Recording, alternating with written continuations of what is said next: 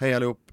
Eh, då var det dags för en intervju igen. Eh, trots allt vi hade sagt att vi skulle ta det lite lugnt med eh, intervjuerna fram till, till nästa säsong så tycker jag faktiskt det är så jäkla roligt att släppa lite intervjuer och jag har jag har samlat på mig några som jag hoppas att vi kommer kunna släppa lite pö om pö i alla fall. Sen får vi se när vi tar ett litet juluppehåll eh, längre fram.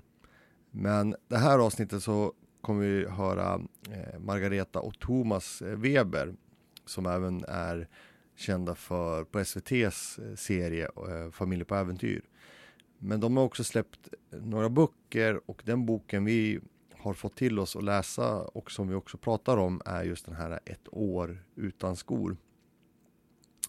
Jag har inte hunnit läsa alltihopa innan men än så länge så är jag väldigt, Eh, tycker den är en väldigt bra bok och jag har väl som en plan inför jul att i alla fall ha hunnit läsa klart boken och i alla fall kunna göra en ärlig bild och recensera recens och i alla fall kunna recensera den. Så jag ska se om jag kan klämma in den när Karl ska komma och hälsa på mig här i båten när han ändå ska passa på att försöka göra någon typ av intervju av hur det är att bo ombord.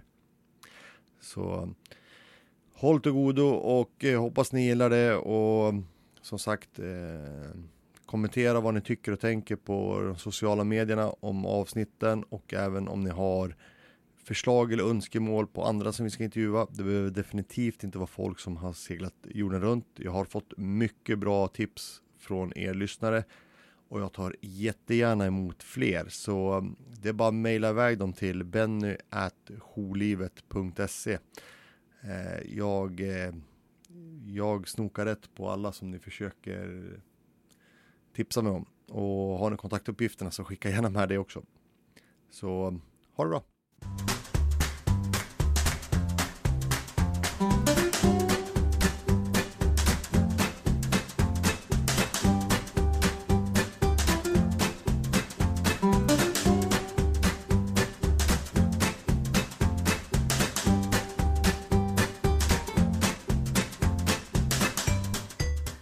Nu har vi då fått tillfället och eh, pratas med eh, Thomas och Margareta och vi har ju pratats vid, eller vi träffades för precis ungefär ett år sedan när en annan bok, Mot en ny horisont, släpptes. Och nu sitter vi och pratar om eran nya bok som ligger ute och ni får gärna presentera er och vad boken heter.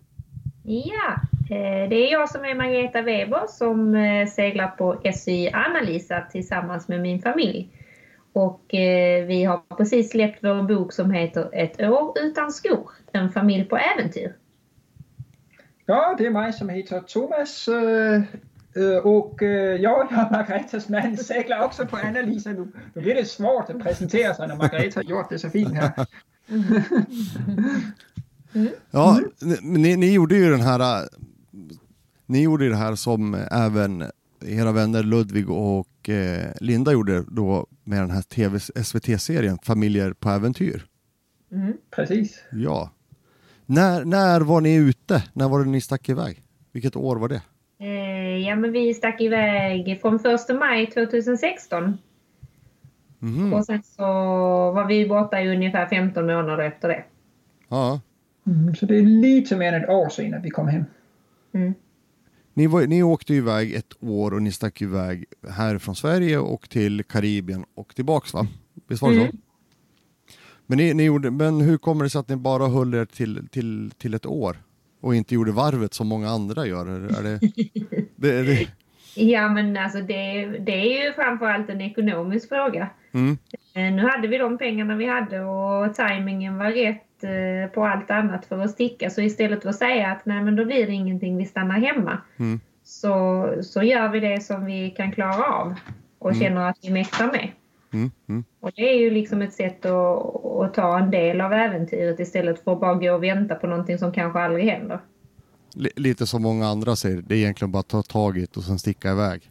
Ja men precis, istället för att säga att nej men vi, vi kommer inte hela varvet runt så då blev det ingenting. Nej. Då är det ju, alltså Atlanten är ett rätt stort hav när man sitter mitt ute på, det, på den också. Det kan jag nog tänka mig. Mm. Hur, hur lång tid tog det för er att, att gå över Atlanten? Det tog uh, 17 dygn uh, till Karibien och det tog uh, 19 dygn från Karibien. Men 17... Det är vi faktiskt ganska stolta över för vi seglar ju bara i en 30-fots båt. Ja men alltså herregud, 17 dygn, det är väl rätt snabbt? Alltså, jag har aldrig gått över, jag drömmer ju själv för att gå över, men 17 dygn, är inte det rätt bra fart? Ja, men det är väl lite var man seglar ifrån också. Nu valde vi ju att dela upp det lite så från Kanarieöarna gick vi ner till Kap Verde. Mm. Eh, och då får man ju en kortare väg därifrån. Men då har man redan seglat 7-8 dygn ner dit. Men man kan ta igen sig lite på Kap Verde, uppleva en ny ögrupp. Eh, ja, samla på sig lite mer mat och nytt vatten och diesel och så. Och sen Mm. när man är redo så, så tar man eh, en kortare väg över Atlanten med Ja. säkrare vind. Okej, okej. Då- Ja, man har kommit så långt ner i passad, till passadvinden då, så Ja. då blåser den säkrare därifrån än vad den gör från Kanarieöarna. Okej, okej. Mm. Så mer, mer, mer förutsägande eller förutsägbar vindar då, med andra ord alltså? Ja, under normala förhållanden så ska det vara så. Mm, mm. Mm. Men hade ni nå jag kommer faktiskt inte ihåg hela serien. Nog, nog, nog tittade jag på hela tv-programmet men var det, var det något äventyr på vägen över då? Eh, nej, på vägen över, alltså när man seglar till Karibien, det är lite som att segla, nej eller det är lite som att cykla n- nerförsbacke faktiskt. Alltså Jaha. det är medvind hela vägen och solen skiner och det är varmt och det är skönt. Eh, det är klart, vi hade lite små incidenter men inget eh, allvarligt. Det var ju först på eh, vägen hem att vi fick det. Där känns det lite mer som man cyklar uppförsbacke och det är där man får lågtryck och dåligt väder. Och, Ja, ja. Mm. Ja, härligt. Ja, ja jag är lite avundsjuk. Det är ju något man lär sig av också. Alltså, när saker går sönder. Alltså till exempel så gick vår autopilot sönder på väg ner till Kap Verde. Och den var nästan sprillans ny. Den var bara typ en månad ga- gammal eller sånt. Men det är lite svårt när man är tre dygns segling från, eller ett dygns segling från Afrikas kust att äh, åka tillbaka in till äh, marinbutiken och äh, åberopa sig äh, garantin och säga du den här äh, autopiloten funkar inte. Då måste man ju lära sig att fixa sakerna själv. Ja, jo. Ja, det, det är ju så. Och det är konstigt nog att saker och ting går ju alltid sönder på en båt. Det är helt fascinerande vad saker och ting går sönder. Mm. Ja. Men, men hur är det då att komma hem efter ett år så här som ni har gjort då, och, och segla runt? Alltså, hur, är det inte konstigt då, alltså det här lugnet som man har varit med om? Det är jätteintressant att du frågar. För de flesta frågar ju om hur seglingen har gått och hur ska man förbereda sig till, Mm. till en segling. Och eh, vi håller ju faktiskt sådana kurser och seminarier i det här. Där brukar vara jättemycket folk. Och frågan om hur är det mm, eh, efter att man har ko- kommit hem, det är väldigt sällan att den kommer. Trots att vi faktiskt tycker att det är en väldigt eh, eh, stor också. Mm. Och eh, det är ju inte helt lätt exakt efter man kommer hem. Eller just de första dagarna, då är det ju en stor fest och alla vänner kommer och all familj kommer och det blir ju mycket, mycket kaffe och mycket besök och mycket trevligt. Men sen när, eh, när äh, vardagen kommer och eh, knackar på dörren, då, äh, ja, då är det inte alls äh, lika roligt. Nej, men det, blir, det blir en sån stor omställning från att man har varit tillsammans hela, hela tiden tills att man Mm. ska dela upp sig. Man har kanske jobb att gå till och barnen skickas till skolan och man tappar ju liksom kontrollen över sin egen tillvaro på något sätt. ja, men precis. För, hur var det? För var det inte så, var det du Thomas eller var det du Margareta som direkt när du kom hem hoppade på jobbet eller missblandade ihop er med eh, Ludvig och Linda då eller? Ja, de hade nog eh, ännu mer extremt än vad vi hade med, Ja. med tanke på jobb. Men alltså, det gick ju någon vecka eller så och så fick jag ett tillfälligt jobb nere på hamnen Ja, eh, som jag hade i några veckor. Mm. Eh, och Thomas, du skrev som bara den och liksom skulle leverera artiklar och skriva på vår bok och så. Mm. Eh, men det höll ju liksom inte i längden. Det, det gav ju inte tillräckligt mycket för att vi skulle kunna klara oss här hemma på det. nej. Så då blev vi ju pressen att vi skulle skaffa oss varsitt riktigt jobb som andra då säger. Ja, ja, jo, precis. Ja, så då, då, fick vi göra det. men men, men hur, hur funkar det då? För ni båda sa ju upp er från jobbet och, mm. och när ni stack iväg och sen när ni kom tillbaka, alltså jag kan ju bara tänka för mig själv att det måste ju vara en otrolig, alltså när man är ute på, på havet sådär, då, då, då rullar man ju i sin lilla bubbla där och, och mm. man har ju sin budget och allting man, man, rullar på och sen när man väl kommer hem och precis som du säger Thomas, efter fikat och, och alla trevligheter och fester och, och vardagen kommer och ekorrhjulet börjar rulla igen, då pengarna ska ju rulla in igen va? Man är ju mm. inte, man är inte kvar på båten utan nu, nu börjar det här Svenssonlivet igen och, och ekorrhjulets rutiner kommer väl igång. Det måste vara väldigt svårt att hantera det där. Ja, men det var, alltså på ett sätt är det ju skönt att inte ha ett datum som man måste vara hemma därför att då ska jag gå till jobbet och mm. göra något annat. Den friheten hade vi ju att välja lite när vi ville komma hem och så. Mm. Och sen samtidigt så insåg vi ju att ja, men här hemma behöver vi ju mer pengar mm. än vad vi behövde ute. Mm. Och då var det på något sätt skönt att skaffa det där jobbet sen och helt plötsligt så kom det in två löner istället för att gå ut ja. rätt mycket pengar varje månad. Mm. Alltså jag sa ju upp mig från drömjobbet. Alltså jag satt ju på uh, Watskis huvudkontor i Malmö och det är ju fantastiskt, fantastiskt att ha ett jobb där man kan säga uh, jag måste gå lite tidigare idag för att vi ska sjösätta båten och det är helt acceptabelt. Mm. Øhm, og troede jo, at øh, jamen, det her det er toppen af min karriere. Herifrån så kommer det at gå borgård. Jeg kommer aldrig at få et så trevligt øh, job igen. Øh, men øh, det blev det jo. Og mm. jeg havde jo troet, at jeg skulle aldrig nogensinde jobbe med et øh, IT mere. Jeg hørte på med et øh, Watchkis IT. Ja. Øh, og jeg skulle leve over at øh, skrive. Men det blev sådan en pres sammen med Margrethe, så det blev sådan en jagt på penge.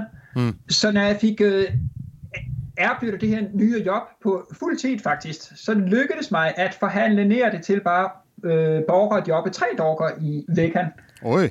Øhm, så arbetslivet har faktiskt blivit mycket, mycket bättre nu. Så jag sitter i ett liknande jobb nu, men jag jobbar bara tre dagar i veckan och har två dagar där jag kan skriva eller segla eller vara med äh, familjen.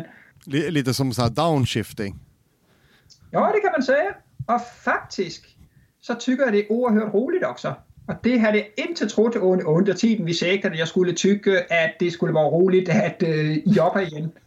Men det är faktiskt väldigt många saker här hemma som vi uppskattar på ett helt annat sätt nu än vi gjorde innan vi seglade.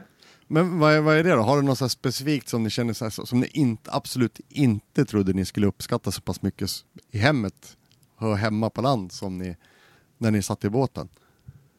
Mm. Ja, men alltså tillvaron här hemma är ju ändå väldigt lätt om man jämför med hur man får jobba för vissa väldigt eh, basala saker ute. Mm. Så själva seglingen är väldigt lätt här hemma. Det är ingen byråkrati, det är inga hamnar där man blir utslängda för att det är fullt i hamnen trots att det är lediga platser som, alltså, som kan vara svårt att förstå när man kommer ja. seglandes här hemifrån här finns alltid mat i butikerna. Man behöver inte stå och köa för att hämta vatten någonstans där de helt plötsligt säger nej nu är det stängt. Mm. Så, där finns pengar i automaten varje dag och här finns bensin och diesel i pumparna varje dag. Och det är ingen som liksom bara, nej men vi har semester idag, oj det glömde vi visst att det skulle fyllas på. Alltså den mentaliteten den är supercharmig när man är ute för där bygger hela samhället på att det är lite mer så, det som inte görs idag det kan vi göra imorgon.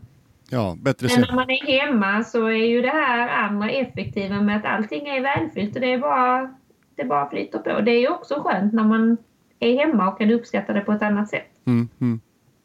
Men hur gick det då för, eh, som du sa Thomas, för, det, för dig var det perfekt. Du trodde ju aldrig du skulle hitta det, det här jobbet och, och stormtrivs och kunna dela eller växla mellan att göra någonting du gillar och även skriva böckerna. Då. Men, men för barnen då? Hur, hur var det för barnen att komma hem då från, från ett liv på sjön utan, eh, ja, men, utan internet och kompisar och sånt där och sen komma hem då från den här bubblan som det blir där. Jag kan tänka mig att det måste ju vara en rätt stor omställning kanske. Ja men det har varit en jättestor omställning för barnen och framförallt så tror jag att när de kom hem så hade de ingen att dela sina erfarenheter med, alltså ingen av sina kompisar som de kunde dela sina erfarenheter med. Mm, mm. Utan de som, som de umgicks med här hemma, de hade ju liksom fortsatt i sina spår här hemma. Ja. Medan vi hade upplevt helt andra saker. Och de barnen som våra barn har delat det med, de finns inte här i Sverige. Nej. De finns i andra länder och har alltså, sina ställen någon annanstans. Mm, mm. Så på det sättet känner jag att ja, men det där med att dela med sig av sina erfarenheter, det var lite svårt för barnen. Mm. När vi kom hem och det gjorde att ja, men de blev nog lite ensamma där. Mm. Men hur långt efter låg serien från att ni kom hem till att den, eh, SVT hade programmet? Alltså serien gick ju under tiden att vi var i Karibien. Jaha. Uh, och jag tror att, alltså vi hade ibland hade vi besök av ett tv-team. Ja. Och jag kan ju säga att uh, när man redan är en familj på fyra på en 30-fots båt, när man då också får besök av en kameraman, en producent och en ljudtekniker Oj. och 16 kilo utrustning. Uh, oh. Då är båten inte stor kan jag säga. Åh oh, herregud, ja, då, då, då kan jag förstå att det är trångt. Jag tycker det är trångt med tre barn ombord min 37-fotare. Ja. vi, ja. filmade en hel del själva också. Jag tror att det, den sjätte, var det femte episoden som var sjätte episoden. Mm. Det skickade vi hem från Karibien, vilket var jättesvårt att få internet så vi kunde skicka hem de där två mm. gigabyte filmen. Det tog oss liksom tre dagar eller så att få hem det.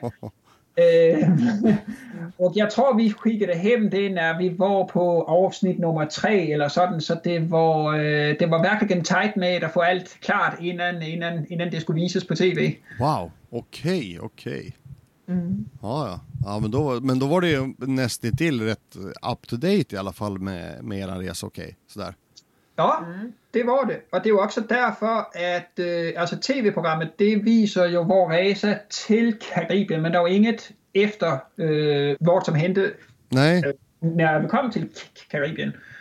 Men det kan man då äh, läsa om i vår bok om jag får säga det. mm. Ja men det är ju bra, för det, det är ju som du säger va, det, det, är ju, det är ju en resa hem också. Det händer ju massor av saker där med. Precis. Som man inte får, får ta del av. Mm. Och på, på många sätt så var seglingen hem, trots att den var mycket, mycket tuffare, så var det faktiskt en mycket, mycket bättre segling. För mm. att, äh, jamen, jag tror vi kände oss mycket säkrare också. Vi kände oss mycket säkrare på båten och vi äh, det kändes ju liksom när vi, när vi seglade och hade, vad hade vi, 2400 sjömil framför oss. Ja, ja, men another day in the office. Det, Just a walk in the park. Ja. ja men det kan jag väl också tänka mig, jag menar, jag vet, jag för mig när jag såg man ser episod 1 då när ni, som sändes då, det, var, det var ändå lite så gnissel, så här, ja men hur kommer det gå med barnen? Och, och alltså alla, alla har ju roll, roller att mm. falla in i va. Mm. Jag, jag, kan ju tänka mig precis som du säger, jag menar, överfarten är ju en sak, då ska ni ju hitta era roller i, jag kan ju tänka mig till viss del i, i översegling så blir det en viss trist, trist, eh, tristess kan jag tänka mig att det händer ju inte så mycket. Man måste ju själv komma ner. Trist, det vill jag inte säga, men, eh, men jag förstår vart du menar. Ja, men, ja, men alltså, det, man måste väl kanske komma ner. Jag kan tänka mig själv att, jag menar, jag kan ju bara ta för mig själv om jag gör en, en, en längre segling över en dag kanske. Det, det tar ju ett tag innan mina barn så kommer ner på jorden och inser att Ja, men ja, det händer inte så mycket mer än det här. Då måste vi sysselsätta oss med något, något annat kanske. Och sen, mm. sen när de väl har kommit in i det här lunket att ja, men man, kan, man kan titta ut, man kan göra något annat och sen mm. det tar ju ett tag kanske. Ja, men det gör det ju. Det är ju klart. Det var ju skillnad från att segla de första gångerna uppe i Medelhavet till att segla över Atlanten. Mm. Eh, men alltså, nu utökar vi ju seglingen successivt hela tiden också. Det är inte så att man smäller 17 dygn med en gång utan Nej. först är det ett dygn ut till Mallorca. Ja, men då, då kan man läsa i boken att vi drabbas av storm där och då kan man ju undra om man ska fortsätta eller ej. Men så mm. övervinner man det och så utökar man. Då blir det tre dygn nästa gång och sen dubblar vi det liksom. Mm. Eh, och så helt plötsligt är man på de här 17 dygnen Mm. Och det är det som är så härligt sen att barnen liksom reflekterar inte över att man säger att ni vet att nu ska vi segla och det kan ta upp mot 20 dagar. Jaha, nej. alltså det, det, är ingen katastrof att nej, det vill vi inte. Eh. Men, men det är lite som också om man ska ta tunnelbanan, säg från uh, Gullmarsplan in till centralen eller sånt, så tar det en kvart eller tio minuter eller sånt. Och det kan kännas som jättelång tid. Mm. Och så kan man ta tåget från uh, Malmö till Stockholm, det tar uh, knappt fem timmar. Och det, och, och, och det känns som det tar ungefär sa, samma tid ibland. För mm. man ju man, man är liksom beredd på att det ska ta lång tid. Precis. Redan från början. Mm, mm. Jo men så är det ju. Mm. Men, men hur är det då, har ni, man säger under er resa som ni har gjort det här, som ni var ute ett år och med hela familjen, har ni själv känt att ni, ni som familj och som individer har utvecklats? Som en, människor och som och på vilket sätt? Alltså det, det härliga tycker jag är, det är att vi vet ju att vi kan umgås som familj. Mm. Vi behöver inte vara oroliga för att vi har dagar tillsammans och man tänker att nu måste vi sysselsätta oss med någonting roligt för att annars så brakar det loss. Mm. Utan, alltså vi kan ju umgås tillsammans och vi kan prata om allting tillsammans och våra barn berättar saker för oss eh, på ett rätt öppet sätt. Ja. Som, som vi båda två tror att det har jättemycket med seglingen att göra, att vi bor så nära. Ja, för ni bor ju väldigt nära vattnet. mm. Alltså i början så om Margareta och jag skulle prata om något som kanske var något som gjorde oss ledsna eller en kompis hemma som hade blivit sjuk eller mm. om vi hade lite äh, ont om pengar eller om det var något liksom så försökte vi ju bara liksom att äh, vi försökte att äh, prata om det ut, utan att barnen skulle höra det. Mm. Men det var jättesvårt på en 30 fots båt så de fick ju höra lite fragment istället. Och när vi egentligen trodde vi skulle skydda dem vid att de inte skulle höra det, mm. så, så äh, eftersom de hörde fragment så blev de ju in, äh, ännu mer oroliga. Mm. Och då började vi faktiskt prata helt öppet med dem om allt. Mm. Och det var inget som vi höll äh, hemligt för dem. Äh, allt, allt det som, som, som, som, som, vi tyckte var tråkigt eller som gjorde oss ledsna eller rädda. Vilket gör att vi nu fortfarande pratar om allt och de kommer och berättar allt för oss också. Och vi hade ju också barnen med om vi om vi skulle prata om vad händer om båten sjunker, vad händer om, vi, händer om, eh, om det blir brand, vad, alltså alla de här otäcka sakerna också. Mm.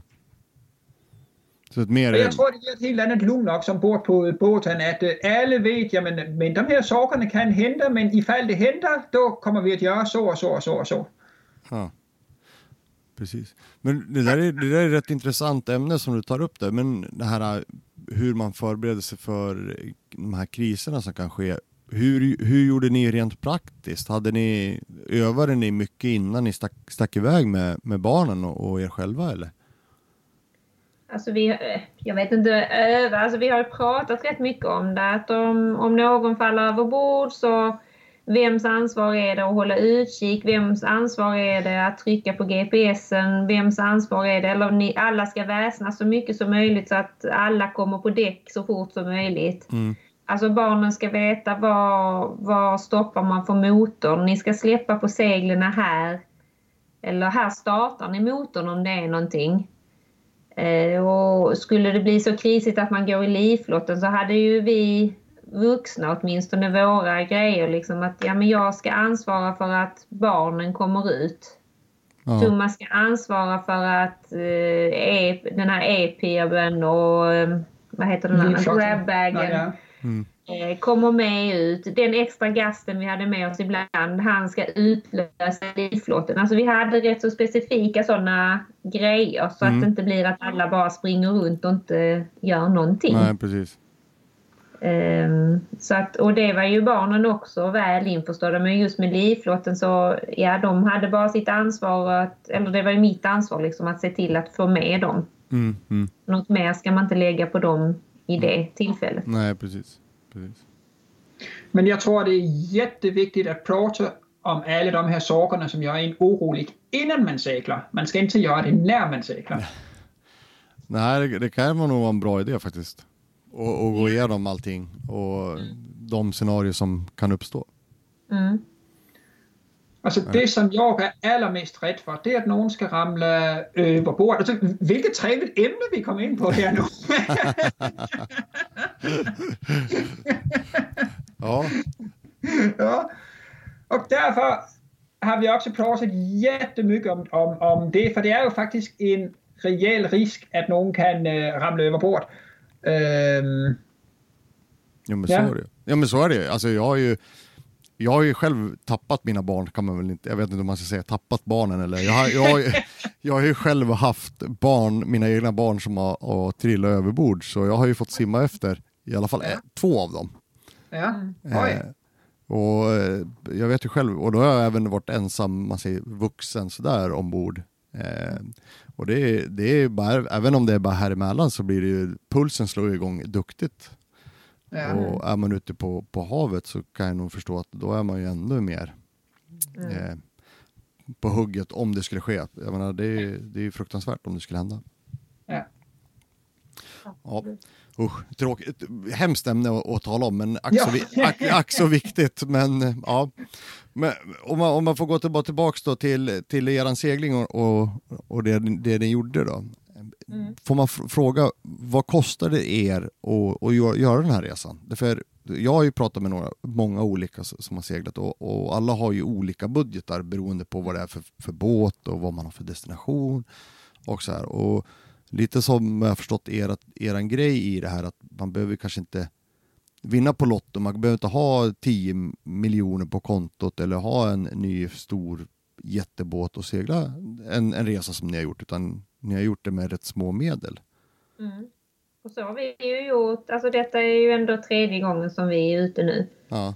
Eh, och första gången vi var ute så om, om vi skulle fullfölja den drömmen vi hade då så skulle vi köpa större båt och den skulle rustas och, och så. Och då var det ju liksom att ja men då är ju den föräldraledningen ledigheten slut för länge sen mm. och pengarna är slut på att köpa nya saker. Mm. Så då anpassar vi den seglingen efter den båten vi hade då. Ja.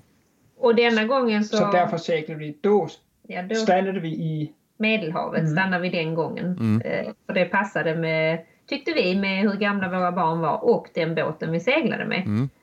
Och nu gjorde vi lite samma som jag sa från början. Ja men nu blev det Karibien denna gången och då räknade vi med att vi skulle klara oss på 10 000 i månaden. Mm. På fyra personer. Eh, och det, det gjorde vi ju också men då får man ju skippa rätt mycket restaurangbesök och man får skippa utflykter som kan kosta en del om man då inte ordnar allting själv. Eh, och så. Och det tyckte vi var rätt så tråkigt och då är det som Thomas säger att ja, men då kan man utöka sin budget och så kan man lägga den på 12 000 istället. Mm. Det kan jag verkligen rekommendera alla. Om man inte har tillräckligt med pengar, ja, men då ska man utöka sin budget. Ja. Så är det. men då fick vi lite tillbaka på skatten och så fick Thomas lite pengar för böcker. Mm. Eh, så som du hade sålt. Så då kunde vi lägga på de här 2000 i månaden. Mm. Eh, vilket gjorde att vi fick lite andrum i budgeten eh, och kunde åka med på vissa utflykter och, och eh, inte tacka nej varje gång någon sa ska ni vara med och ta en öl på kaféet här inne eller så. Mm, mm, mm. sen är det fortfarande, det är inte mycket pengar. Nej. För fyra personer men alltså för oss är det inte jättemärkligt för vi, vi lever på det sättet nästan alltid. Mm. Så det är inte så stor omställning. Men annars så brukar vi säga till folk som frågar, så säger man tar ju med sig det beteendet man har hemma. Det tar man ju oftast med sig ut när man reser. Mm. Om man nu går på restaurang jättemycket hemma så tror jag ju inte att bara för att man seglar iväg säger att nej nu vill jag inte gå på restaurang längre för nu är det mycket roligare att laga mat själv. Nej men det kan ja. jag tänka mig. Jag menar... Det är svårt att då tar man med sig de kostnaderna på någorlunda sätt som man har hemma. Mm med sig ut. Så ja. att, eh, alltså jag tror att vi räknar på 150 000 ungefär för ett år. På 15 månader? På 15 månader. Alltså det är, det är, det är egentligen alltså det, det är fascinerande om, om, man, om, man, om man tänker bara vad, vad du får för 150 000 för en familj. Det är ju bara, det är ju bara en liten resa till Thailand i stort sett. En charterresa ja, till Thailand. Precis. ja. Och det brukar du säga Thomas också. Ja men folk åker ju ofta skidor eller man åker på en chartersemester per år. Ja. Uh, och en sån resa för fyra personer kan ju ja, men lätt komma upp på 25-30 000. Ja, gud Och då kan du ju bara lägga på, alltså skippa den i tre, fyra år då och så stick iväg ett år så här istället. Ja. Så, kan man, så får man prioritera vilket man vill. Ja. Ja, men Ja. det är, det är fantastiskt. Alltså, Det är inte svårare än så. nej, precis. Det är bara att utöka budgeten, som Thomas sa. Ja, men det är, ja. ja. Det är ju inte för att man ska snåla, øh, men man, det är ju bara en fråga om att prioritera sina pengar. Jo, men herregud, så är det ju. Mm. Det var ju som jag vet att någon jag intervjuade som sa att ja, vi lägger hellre, vi lägger hellre de pengarna, extra pengarna när vi är ute, och- ute och seglar på, på båten och lyxar till det ibland än att vi hela tiden har en, en månadskostnad som är relativt hög. Mm. Ja.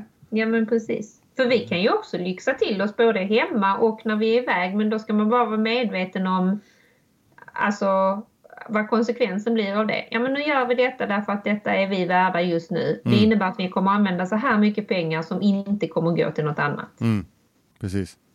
Och i vårt fall är det inte långsegling då. Mm. Hur går det när man är ute då, som ni säger, då, att, när ni sticker iväg, eh, om budgeten, man, man, jag kan ju tänka mig att man, är- men man måste ju ändå vara lite orolig för, för budgeten när- man är, Ja. det är iväg. Va? Alltså det måste ju vara Ja. jätteotäckt att veta att jag har ju ingenting, inga nya pengar som kommer in den 25 eller 27 varje månad på kontot, utan man, man har ju den här summan pengar som ligger på kontot. Mm. Och, och, och ni, har he, alltså, ni har ju bokstavligen hela ert hus och hela familjen i samma Mm. båt och sticker iväg. Men hur, är, hur blir det mellan er, alltså äktenskapet, Thomas och Margareta? Hur, hur funkar det då när, man, när ni har, som ni säger, va, ni har barnen i samma, alltså inom 30 fot. Det är, det är inte så att ni kan stänga igen dörren och sätta er i lugn och ro och så här, nu, nu ska vi sätta oss ner och prata eller kanske ha ett gräl eller någonting sånt, utan det blir väldigt intimt och öppet Nej. sådär. det får ju barnen bara snällt vara med på. och det, så är det ju. Ibland bråkar man ju. Och det, Ja, ja. Så är ju verkligheten. Men samtidigt så tror alltså på något sätt, jag tror nog att du och jag Thomas, vi funkar som allra bäst när vi seglar Mm. eh, tillsammans. Mhm. Då är vi väldigt så ödmjuka och fokuserade och lever drömmen båda två. Mm. Då är vi som mest samarbetsvilliga tillsammans. Det är värre när ni är hemma på land. Ja, Ja, herregud. Men, men, hur, men hur, hur har det varit om man får fråga så då? Det kanske är en väldigt intim fråga, så där, men personlig fråga. Men... och komma hem eller Ja, men alltså, med, med, alltså som du säger, va? det, det, det, det kanske är mycket, alltså ni har det bra i, i, på båten, så där, men, men hur, hur, hur, hur hanterar man eventuellt, jag vet inte, kan man, så här, kris eller någonting sånt där? Som du säger, man, man pratar ju öppet då, men får man svälja mycket eller är det som många säger att det är bara egentligen, det är bara rensa luften när det väl uppstår så, så det inte blir någon stor grej längre fram eller har du några tips? Ja, men alltså det har ju hänt ett antal gånger att man, om jag säger nu, man har rensat luften, att vi flyger ihop och bråkar med varandra. Och det kan ju vara både jag och Thomas och vi med barnen eller så.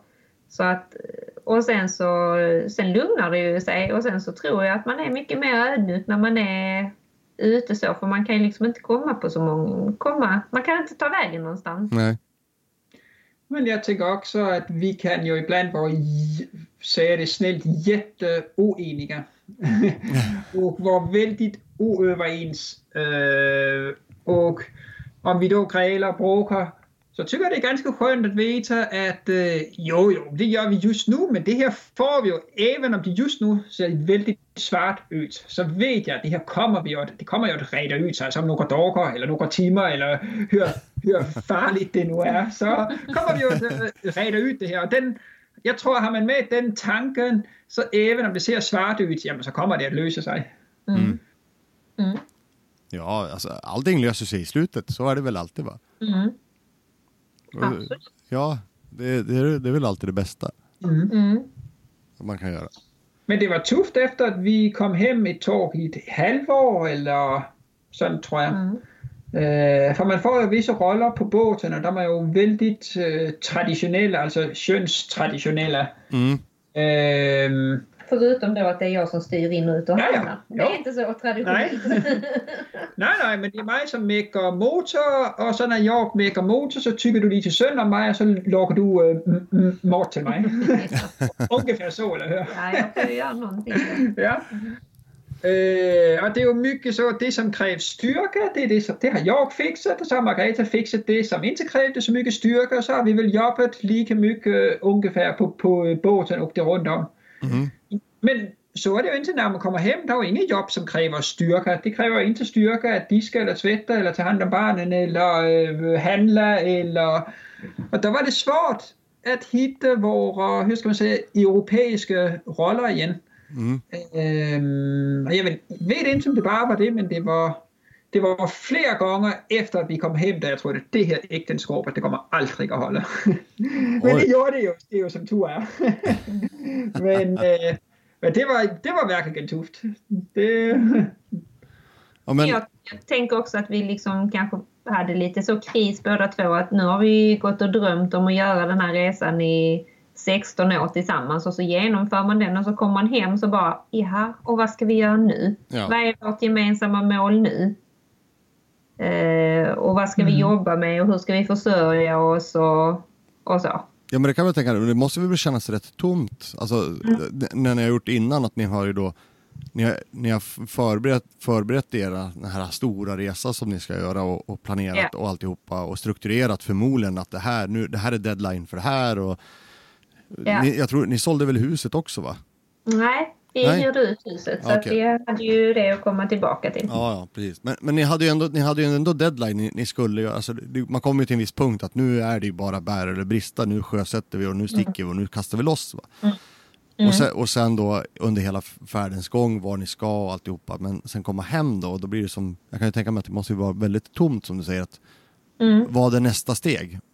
Ja precis, vad, vad är vår gemensamma dröm nu? Ja, Har vad ska vi göra? Och, och nu, liksom, nu är det bara över, nu är vi hemma igen. ja, och vardagen rullar på. Ja. Men vad har ni, vad har ni för nytt mål då? Har ni något nytt mål? ja. Ja. Jaha. Men, alltså, målet är ju att vi ska ut igen. Mm. Ehm, men barnen ska få gå klart skolan och vi måste ha ihop pengar. Mm. Det är jättemånga som har frågat, men ska ni inte sticka nu? Jo, men alltså om du skakar fram några hundratusen till mig så ska jag sticka imorgon. Alltså för båten är färdig, då kan jag sticka imorgon. Om det skulle vara, det är inte det som är det svåra Nej. just nu. Utan grejen är att vi har, vi har inte råd med det just nu. Men du har väl börjat spela på Lotto i alla fall då? Ja, inte det ens en gång. Nej, det, det tror jag nog man ska ta, an, ta ansvar för själv det där. Ja, Ja. men jag, jag, kan väl, jag kan väl tänka mig att det, det där måste ju vara ofantligt stor, alltså just det här att på något sätt någon tomhet när man kommer hem. Att Mm. det här Och då som, tror jag att det tar ju tid här efteråt att hitta den här meningsfullheten med att, att vara här och, och vad ska vi sträva efter nu och hur ska vi tycka att varje dag är meningsfull här hemma nu. mm, mm. Ja, det kan tänka ja, det kan jag tänka mig. Det måste vara riktigt svårt. Mm. Och det måste ju som, som sagt, det måste ta, jag kan tänka mig att det tar ett tag innan man kommer, kommer underför med vad, vad det är man ska sträva efter och hitta de här rollerna igen. Mm. Precis. Eh, som sagt, ni sa ju då, ni har ju något äventyr eller någon, någon tanke att ni vill sticka iväg igen. Är det då, får man fråga då, är det någon tanke att ni ska byta båt eller, eller är ni nöjda med Anna-Lisa som ni har? Och ni ska spara eller? Eh, Alltså vi är jättenöjda med Anna-Lisa som vi har. mm, Mm. Hon har bevisat sitt värde, hon är billigt i drift, det är billigt att gå i hamn, det är billigt, eller billigt skulle jag till att säga, i segel och utrustning och tillbehör, men det är ju trots allt mycket billigare för en 30-fotsbåt än för en 40-fotsbåt. oh ja. Det, det är ju fantastiskt vad, vad priset stiger exponentiellt med, Ja. med, med längden på en båt. Ja, Är det ju. Det, man blir ju så himla sugen på att skaffa större båt när man seglar ut och alla andra har superstora båtar. Mm, Med all lyx man kan tänka sig. Och sen samtidigt så... Ja, men hon, alltså, vi har inga lån på henne, men hon är betald och vi är ju supernöjda med båten. ja. Men man blir lätt gripen av det här liksom. Åh, vi vill också ha så stort. Jag vill också ha det så här. Ja. Men om man nu är lite förnuftig så kan man lägga pengarna på hög och komma iväg istället. Ja, precis. Så är det ju. Och det är ju intressant för några månader efter, eller ett halvår kanske, att vi hade köpt Analyser som vi var jätteglada för. Så köpte min kollega en X402. Oh. Och det är ju en jättefin båt. Han fick den för inga pengar. Han renoverade upp den i toppskick. Det är en fantastisk båt. Och så gick jag för att åh, sån båt skulle vi ju ha haft. Varför, kanske vi kunde hitta en sån? Kanske vi kunde? Tänkte, men, men stanna, sluta nu. Vad hände här? Hur mm. kunde jag gå ifrån att vara fullständigt nöjd och glad och lycklig över den båten vi har och så bara för att en kollega köper en annan båt så är det inte mer. Är inte det konstigt? Jo, Ja, jag håller med. Det är, jag vet ju själv när jag, hur jag gick och funderade när jag tittade på en ny båt. Det var ju samma sak där. Man, man tittar på en, man har en budget man tittar på och sen helt plötsligt på något sätt så höjs den där budgeten och sen, ja. sen är man helt ovanför sin budget som man aldrig någonsin kommer ha och sen är man på, på, någon, på båtar som man helt på något sätt försöker rättfärdiga att man ska mm. titta på och, och, och anse att det här behöver jag och det här mm. måste jag ha för att mm. kunna använda båten. Men det har gått så bra utan det med den förra båten. Precis. Så det, Men det är himla roligt Vi tittar fortfarande på annonser och man ser och tänker om och så. Och sen ja. kommer vi ändå tillbaka till att vi har, ju en jättefin båt som vi är nöjda med. Ja men drömmar måste man ju alltid få göra. Mm. Det men, men, det som vi faktiskt gör, det är att vi rustar upp analyser nu med nya instrument och nya dyner och nya grejer och en ny dinge och, och sånt. Mm. va? Ja. ja. Och det är ju jätteroligt nu faktiskt. Så, så vi tyckte att Annalise var perfekt innan, så jag undrar vad, vad är snäppet bättre än perfekt? Ja, jag vet inte, men... men fin blir hon. ja, men det är, ju, det är ju fantastiskt. Då kanske ni kommer behålla henne nu ett bra tag då? Ja, det gör vi. Ja. Det är tanken. Det är tanken. Ja, men vad härligt. Jag tycker det är lite jobbigt att byta båt också för man ska lägga så mycket alltså, tid och energi på att få det som man själv vill ha det.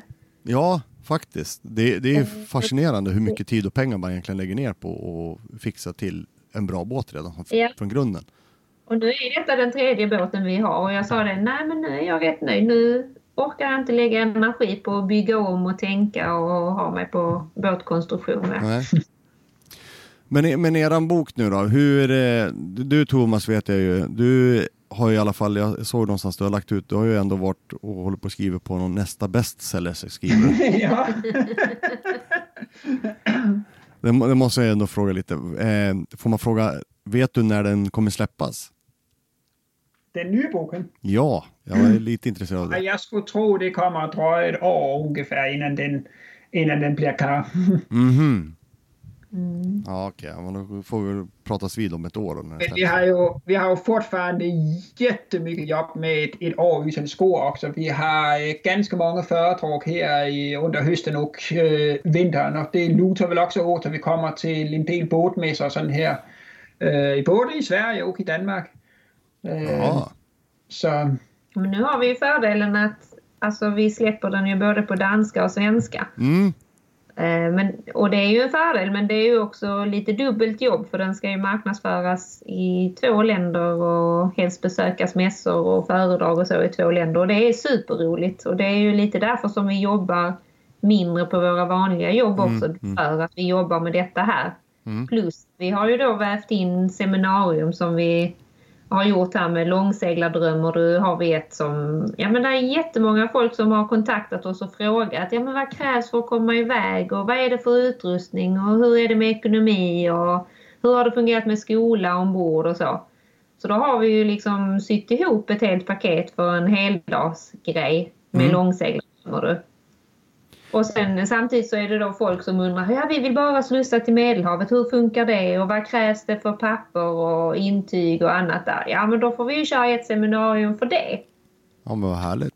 Ja, och sen testar jag av nu för då efter alla våra föredrag så kommer det oftast eh, tjejer eller kvinnor fram och vill fråga något litet och då blir jag lite så, men vi har ju stått här uppe nu i två, två och en halv timme. Ja men jag vill bara fråga dig lite så här, alla behöver inte höra. Nej, jag svarar gärna på det. Så nu fick jag köra då en sån här tjejer på havet som bara är för tjejer. Um, Så att alla de här frågorna som man inte vill ställa inför sina respektive eller andra meningsvalen, mm, mm, mm. jag på att säga.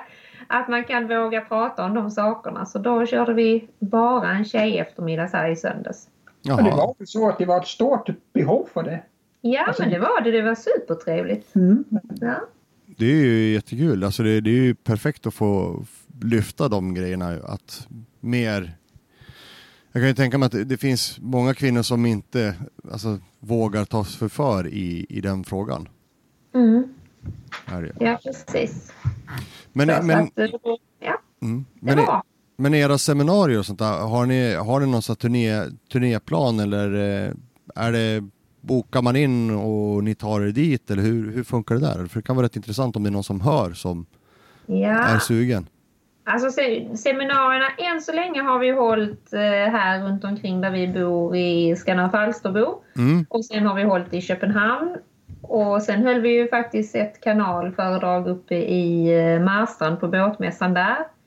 Mm. Och så är ju tanken att vi ska, har det kommit önskemål om att ha det på fler ställen i landet så både Göteborg och Stockholm kan ju bli aktuellt. Mm. Eh, att vi håller de här seminarierna i också. Ja. Och nu närmast så ligger ju den 17 november håller vi Långseglardrömmer du i Falsterbo. Och sist var vi ju närmare 60 personer där som träffades mellan 9 och 5. Oj! Och det var en jättehärlig energi med massa positiva människor och massa skratt hela dagen igenom. Så att eh, det kör vi här i Sverige och så kör vi ett parallellt i Danmark här i slutet på oktober. Ja, ja. Mm. Ja, det är ju fränt. Men, ja, ja. Kul. Men eh, då får jag hoppas att ni kommer upp till Stockholmsmässan i alla fall, för där kommer vi i alla fall vi vara på ett eller annat mm. sätt. Så trevligt. Ja. ja. Men det lutar åt att vi också kommer vara där. Ja, men vad roligt. Vi får se om vi hinner med Göteborgsmässan i år också. Det var, det, jag hoppas det. Ja. ja. Så är det. Men du, jag, jag ska ta runda av. Vi har pratat på här nästan i 45 minuter. eh, det var jättetrevligt och är det, är det någonting jag missat så har ni chansen nu att ta upp det. Ni får ju, jo, ni måste ju definitivt berätta vad man hittar i er bok, Ett år utan skor. Det har vi glömt att säga. Det måste ni berätta. Ja, men den hittar man ju inne på oceandream.se. Mm. Eller så kan man ju beställa den via Adlibris, heter de det? Ja, eller, eller Bokus, eller alltså på nätet. Mm. Eller i bokhandeln, de har den också. Mm. Och den heter Ett år utan skor. Perfekt. Vi lägger upp, vi lägger upp det på vår hemsida också. Ja, det, det är vi glada för. Ja. ja det, är jättebra. Men Thomas och Margareta, ja förlåt Thomas, du ska säga något. Nej, vi har verkligen försökt att balansera både, för det är, ju, det, är ju, det är ju verkligen en fantastisk upplevelse att långsegla. Det är så mycket härligt man upplever. Men det är inte allt som är härligt. Och vi har verkligen försökt att balansera både allt det härliga men också det som är lite otäckt och det är när vi har grälat lite eller varit ovänner. eller, så vi har verkligen försökt att balansera både det negativa med det positiva, ge en ärlig bild av vad det vill säga. En personlig och ärlig bild. Mm. Ja men det, det, är fantastiskt för jag ska säga också det att ni har, ju, ni, har ju skickat, ni har ju skickat en bok till oss för att vi ska läsa och jag har tyvärr inte fått den än men jag ska läsa den och jag ska definitivt eh, recensera den, försöka göra. Det får du jättegärna. Mm. Ja, så får vi se. Det är fantastiskt kul att få läsa För jag läste ju då den andra boken som ni släppte, den här Mot en ny horisont. Den var fantastiskt vacker att läsa alla små reshistorier. Ja. Var det. Men Thomas och Margareta, om inte annat så får jag tacka så hemskt mycket för samtalet, att vi kunde pratas vid. Och så, hoppas jag, och så hoppas jag verkligen att vi ses på någon av mässorna. Det gör vi. Ja. ja, absolut. Bra. Fint. Tack så mycket Benny. Tack. Hej. Hej. Vill du se filmer, bilder och läsa mer information om det vi pratar om i podden? Besök oss gärna på www.sjölivet.se.